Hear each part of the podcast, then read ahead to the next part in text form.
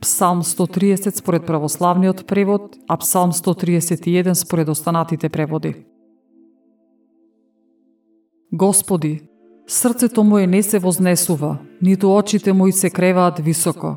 Не копнеам по големи работи, ниту понаште над моите сили, но ја скротив и ја успокоив душата моја како дете кон мајката своја. Душата во мене како доенче, Нека се надева Израел на Господ од сега и довека.